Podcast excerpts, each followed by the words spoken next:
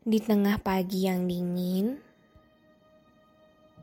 di antara selimut, bantal, dan boneka, memandang lampu yang masih menyala dengan lekuk kayu penyangga bohlam dan pengharum rasa beris di sudut nakas. Rasanya tak ingin ku beranjak bangun untuk memulai hari. Tak ingin menatap matahari untuk memulai cerita tak ingin memandang laptop untuk penuhi tugas. Lalu getaran HP membalikanku, menatap sisi kasur lainnya dan seekor kucing yang tidur terlelap.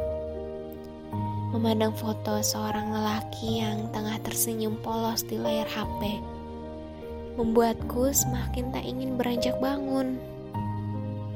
Rasa ini menenangkanku Rasa ini seperti menyerap berjuta-juta partikel oksigen yang kemudian menyatu pada darah dengan proses barter yang indah tanpa perhitungan dan keberpihakan yang kemudian dipompa oleh jantung untuk membawa rasa bahagia ke ujung terpencil tubuh yang sedikit saja sentuhannya mengirimkan gejolak kenyamanan.